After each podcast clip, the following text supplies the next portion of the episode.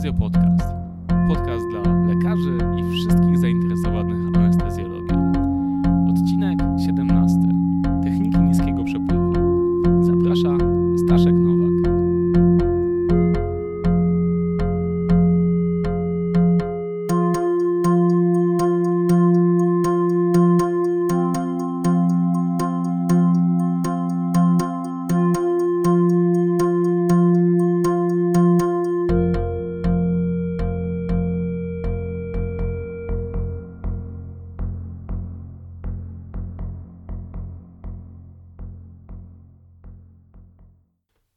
z tej strony Staszek i zapraszam Was na kolejny, 17 już odcinek Anestezjo Podcastu. Zgodnie z obietnicą, którą złożyłem dwa tygodnie temu, czyli w poprzednim odcinku naszego podcastu, dzisiaj porozmawiamy sobie o technikach niskiego przepływu w znieczuleniu ogólnym. Czym w ogóle jest niski przepływ, jak go stosować, jakie wymagania musi spełniać, musi spełniać nasz układ, żebyśmy w ogóle mogli się za co zabrać. To wszystko i jeszcze trochę więcej dzisiaj w naszym odcinku. A więc na samym początku, żebyśmy mogli mówić o technikach niskiego przepływu, musimy mieć do czynienia z układem półzamkniętym, w którym udział oddechu zwrotnego wynosi minimum 50%. No i bardzo ważne jest to, żebyśmy dbali o to, ile tlenu właściwie dostaje nasz pacjent, czyli zwracali cały czas uwagę na to, ile zużywa tlenu i jakie jest FiO2 mieszaniny oddechowej, którą, e, którą jest wentylowany. Jakie są zalety technik niskiego przepływu? Po pierwsze, jak to zwykle w medycynie, pieniądze. Kiedy prowadzimy znieczulenie w technikach niskiego przepływu, no to oszczędzamy od 60 do 75%. Po drugie, ekologia. E, zwłaszcza kiedy prowadzimy znieczulenia z użyciem podtlenku azotu, które co prawda w tej chwili wychodzi już z użycia, ale gdzie niegdzie, zwłaszcza w USA, jeszcze się go stosuje to e, do atmosfery będzie wydostawało się od 70 do 90 aż procent mniej w przypadku, kiedy prowadzimy znieczulenie w, techni- w technikach niskiego przepływu. No i po trzecie, ciepło i wilgotność. Kiedy wentylujemy pacjenta, to chcemy, żeby powietrze, które on dostaje, było ciepłe i było odpowiednio wilgotne, żeby pacjent nie tracił wilgotności, nie wysychała mu śluzówka płuc, no i żeby nie tracił temperatury z tego powodu, że, że, że jest wentylowany mechanicznie. Dlatego fakt, że oddech zwrotny w technikach niskiego przepływu wynosi minimum 50%, pozwala nam lepiej dopasować wilgotność i temperaturę mieszaniny oddechowej do potrzeb naszego pacjenta. Żebyśmy mogli prowadzić to znieczulenie w sposób bezpieczny, musimy przede wszystkim odpowiedzieć sobie na pytanie: ile tlenu potrzebuje mój pacjent? Istnieje kilka wzorów, które pozwalają znaleźć odpowiedź na to pytanie. Jest wzór Brodiego, jest wzór Kleibera, jest wzór Arnta i Stocha, ale tak naprawdę one wszystkie sprowadzają się do tego, że wybieramy sobie jakąś liczbę między 3 a 4 ml na kilogram na minutę i na podstawie tej liczby szacujemy zużycie tlenu. Na podstawie tych wszystkich równań możemy powiedzieć, że zużycie tlenu głęboko śpiącego, czyli głęboko znieczulonego pacjenta o wadze 70 kg, to jest około 243 ml, no i zużycie tlenu 90-kilogramowego pacjenta, czyli 20 kg cięższego, to jest 293 ml na minutę.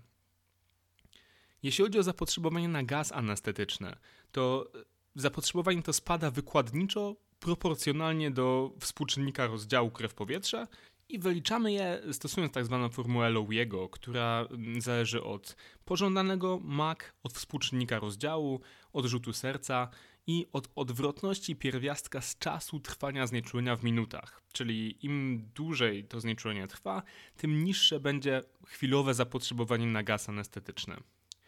No i w dużym uproszczeniu dla sewofluranu możemy powiedzieć, że zużycie anestetyku na minutę będzie wynosiło i tu iloczyn. Matematyka mnożenie.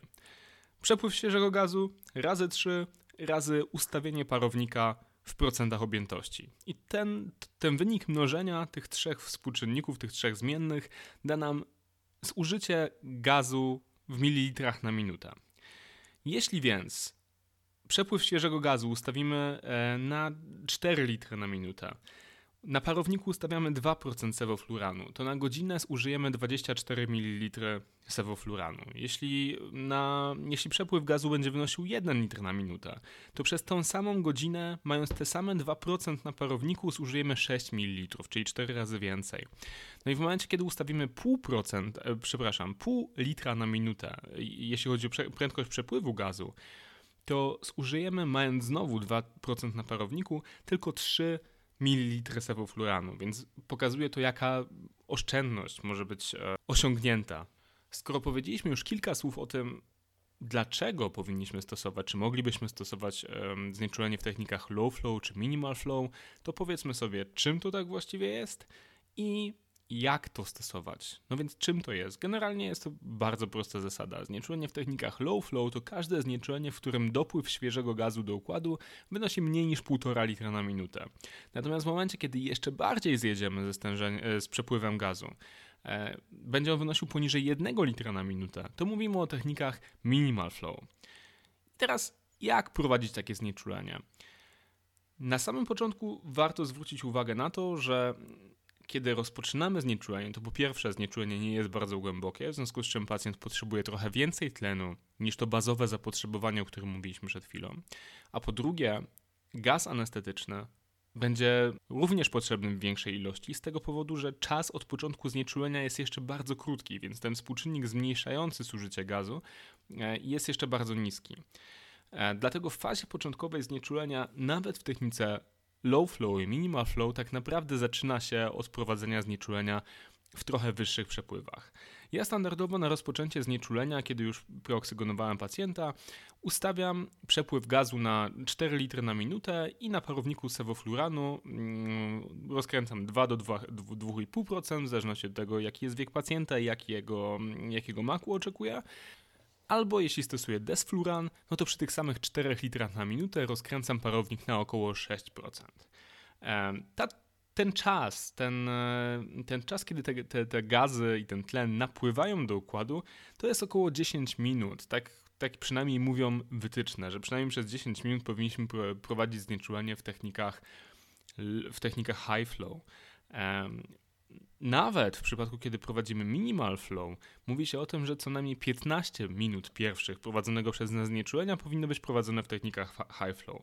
Właśnie po to, żeby wszystko zdążyło napłynąć, żeby to większe zapotrzebowanie na tlen, większe zapotrzebowanie na gaz anestetyczny zostały u naszego pacjenta zaspokojone. I teraz taki trik jeszcze. Słyszeliście, że powiedziałem o tym, że w przypadku, kiedy stosuję desfluran, ustawiam przepływ świeżego gazu na 4 i parownik rozkręcam na 6. E, w przypadku desfluranu martwimy się o tak naprawdę dwie rzeczy. Pierwszą rzeczą, którą się martwimy, jest um, podrażnienie dróg oddechowych w przypadku dużych zmian stężenia desfluranu. I drugą rzeczą, o którą się martwimy, jest tachykardia, która przez desfluran często jest um, powodowana. E, kiedy mieliśmy prezentację prowadzoną przez, e, przez panią z firmy, która dystrybuuje desfluran na naszym oddziale, E, mówiła ona, że jest stworzony taki wzór, który pozwala wy, wyznaczyć nam bezpieczną um, ilość desfluranu, którą możemy podać do pacjenta um, w pewnej prędkości czy w pewnym czasie, która nie spowoduje powstania tachykardii. I mówiła o wzorze, który trzeba zapamiętać. I jest to przepływ razy ustawienie parownika. Przepływ 4 litry na minutę, ustawienie parownika 6%, daje nam to 24.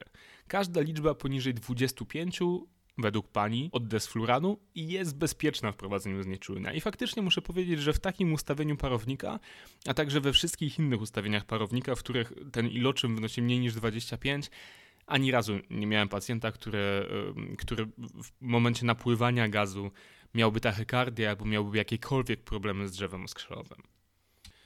No dobrze, więc mamy pacjenta, który już przez te pierwsze kilka minut dostał tlen i, i gaz anestetyczny. Co robimy dalej? No, po pierwsze, warto się zastanowić nad tym, jak ustawimy alarmy. Jednym z najważniejszych alarmów, który trzeba ustawić, jest alarm FiO2, czyli poziomu tlenu czy, czy stężenia tlenu w mieszaninie oddechowej, którą pacjent dostaje. Dlaczego? Dlatego, że w przypadku, kiedy prowadzimy znieczulenie mm, w technikach high flow, to generalnie sprawa jest bardzo prosta. Tyle litru, ty, czy tyle procent, ile ustawimy na maszynie do znieczulenia, na aparacie do znieczulenia, tyle procent faktycznie będzie tlenu w mieszaninie oddechowej i takie będzie FiO2 mm, mieszaniny, którą wentylujemy pacjenta. Ale jeśli prowadzimy znieczulenie w technikach low flow albo minimal flow i 50 albo więcej procent e, mieszaniny oddechowej to jest oddech zwrotny pacjenta, który przechodzi przez, przez absorber CO2 i który wraca z powrotem do układu, no to sprawa nie jest taka prosta, no bo ilość tlenu w dostarczanym powietrzu będzie zależna zarówno od tego, ile świeżego tlenu wpływa z aparatu do znieczulenia, ale też będzie zależało od tego, ile tlenu pacjent wydycha. A ilość tlenu wydychanego przez pacjenta również może się zmieniać. Może zmieniać się, gdy nagle wzrośnie zapotrzebowanie pacjenta na tlen, bo znieczulenie będzie za płytkie, bo pacjent będzie miał tachykardię, bo będziemy mieli do czynienia z niedostateczną denitrogenizacją, czyli ten czas napływu gazów będzie trochę za krótki. To wszystko może sprawić, że wzrośnie zużycie tlenu przez pacjenta, albo że ilość dostarczanego przez nas tlenu, mimo że z tego, co sobie wyliczyliśmy, wychodziłoby, że będzie dobra, to tak naprawdę jest za niska. Także alarm tlenu jest absolutnie podstawową sprawą, kiedy, mm, kiedy prowadzimy znieczulenie w technikach low flow albo minimal flow. Takim dosyć ciekawym parametrem, jeśli chodzi o znieczulenia low i minimal flow, jest tak zwana stała czasowa, czyli time constant z angielskiego. Jest to mm, czas, który potrzebny jest przy danym gazie anestetycznym do nasycenia albo, trudno mi znaleźć lepsze słowo, odsycenia pacjenta tym gazem. Ten czas jest odwrotnie proporcjonalny do przepływu świeżego gazu i dla high flow wynosi około 2 minut, dla low flow 11 minut i dla minimal flow aż 50 minut i potrzebne jest aż trzykrotne przejście tego, tego time constant, żeby osiągnąć 95% stężenie gazu w pacjencie, takie jakie jest w mieszaninie oddechowej, którą temu pacjentu potrzebujemy. Zmieniając przepływ gazu po tym czasie nasycenia, musimy pamiętać o tym, że obniżając dopływ świeżego gazu, powinniśmy zwiększyć ustawienie parownika, po to, żeby ta sama ilość gazu anestetycznego dopływała do pacjenta, czy była dostarczana pacjentowi mimo e, zmniejszonego przepływu gazu przez cały układ. O czym warto pamiętać? Przy niskich przepływach gazu, czyli, czyli w e, low flow i minimal flow anestezja, nawet kiedy drastycznie zmienimy skład mieszaniny oddechowej, czyli sprawimy, że nagle e, z pół litra, które dostarczamy pacjentowi, 100% to będzie świeży tlen. I na parowniku z 2% sewofluranu ustawimy 12% sewofluranu, to czas, który będzie potrzebny na to, żeby te zmiany nastąpiły w pacjencie, jest ogromnie długi. Czyli tak jak mówiliśmy w przypadku minimal flow, jest to nawet 50 minut i więcej ogromnie długo. Nie do zrobienia, jeśli chodzi o szybką zmianę głębokości znieczulenia. Dlatego, jeśli potrzebna jest szybka zmiana głębokości znieczulenia, no to mamy dwie możliwości. Możliwość pierwsza, albo podkręcamy świeży gaz, dopływ świeżego gazu na 4 do 5 litrów na minutę, ustawiamy parownik na tyle, ile chcemy temu pacjentowi realnie podać i lecimy. Chwileczka oddycha, dojdzie już do tego, czy tam po dwóch, po dwóch, czterech, pięciu minutach osiągniemy nowe zakładane stężenie gazu anestetycznego i możemy z powrotem zejść z dopływem świeżego gazu do naszego low albo minimal flow. I druga sytuacja jest taka, czy druga możliwość jest taka, że po prostu dajemy pacjentowi przy, pozostawiając ten minimal flow bolus anestetyku dożylnego i wtedy rozkręcamy nasz parownik na, na wyższą wartość. A co jeśli chcemy wyprowadzić pacjenta ze znieczulenia? Nawet 30, czasami 45 minut przed końcem operacji możemy parownik zamknąć na głucho. E, ten gaz, tak jak mówiliśmy, będzie bardzo powoli zmniejszał swoją zawartość e, i dlatego z zupełnym spokojem możemy patrzeć na to, aż zawartość naszego gazu w powietrzu wydychanym przez pacjenta dojdzie do 0,7 mak mniej więcej. Dalej możemy ją trzymać mniej więcej na takim poziomie, a w momencie, kiedy chirurdzy zaczną szyć skórę, możemy rozkręcić gaz na 4, 5, 8 litrów na minutę, dać więcej tlenu. Niektórzy lubią wyprowadzać ze znieczulenia na 100% tlenu, niektórzy wolą e, trochę mniej, żeby uniknąć atelektazji z resorpcji. Natomiast e, wszystko jedno na ile, dajemy więcej tlenu i po kilku minutach, w zależności od tego jaki gaz anestetyczny stosujemy, pacjent będzie gotowy do wybudzenia. E, oczywiście w niektórych sytuacjach warto jest e, z tym skręcaniem gazu poczekać, zwłaszcza wtedy, kiedy jest bardzo ważne, żeby pacjent nie ruszał się.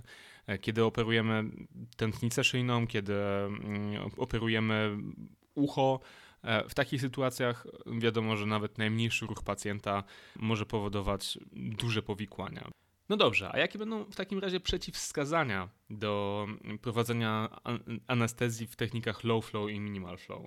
Po pierwsze, hipertermia złośliwa, po drugie, sepsa, po trzecie, zatrucie czadem, po czwarte, znieczulenie, które trwa krócej niż 15 minut. Jest to w miarę jasne, bo zanim nasz minimal flow czy low flow się rozbuja, no to już trzeba pacjenta z powrotem wyprowadzać ze znieczulenia akumulacja obcych gazów, takich jak etanol w zatruciu alkoholowym, jak aceton w rozchwianej cukrzycy, jak e, czad, chociażby właśnie w zatruciu czadem. Bardzo ważnym przeciwwskazaniem jest to, że nasz układ anestetyczny czy nasz aparat do znieczulenia jest po prostu niedostosowany do tego, żeby tego rodzaju znieczulenie prowadzić.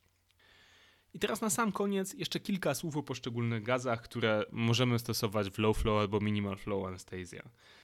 Izofluran jest gazem, który szybko napływa, ma niski mak i praktycznie nie jest metabolizowany. Dlatego naprawdę dobrze nadaje się do tego, żeby prowadzić minimal czy low flow anestezja e, z jego udziałem. Jest to najlepszy gaz z gazów tak zwanych konwencjonalnych do tego, żeby używać go w tym charakterze.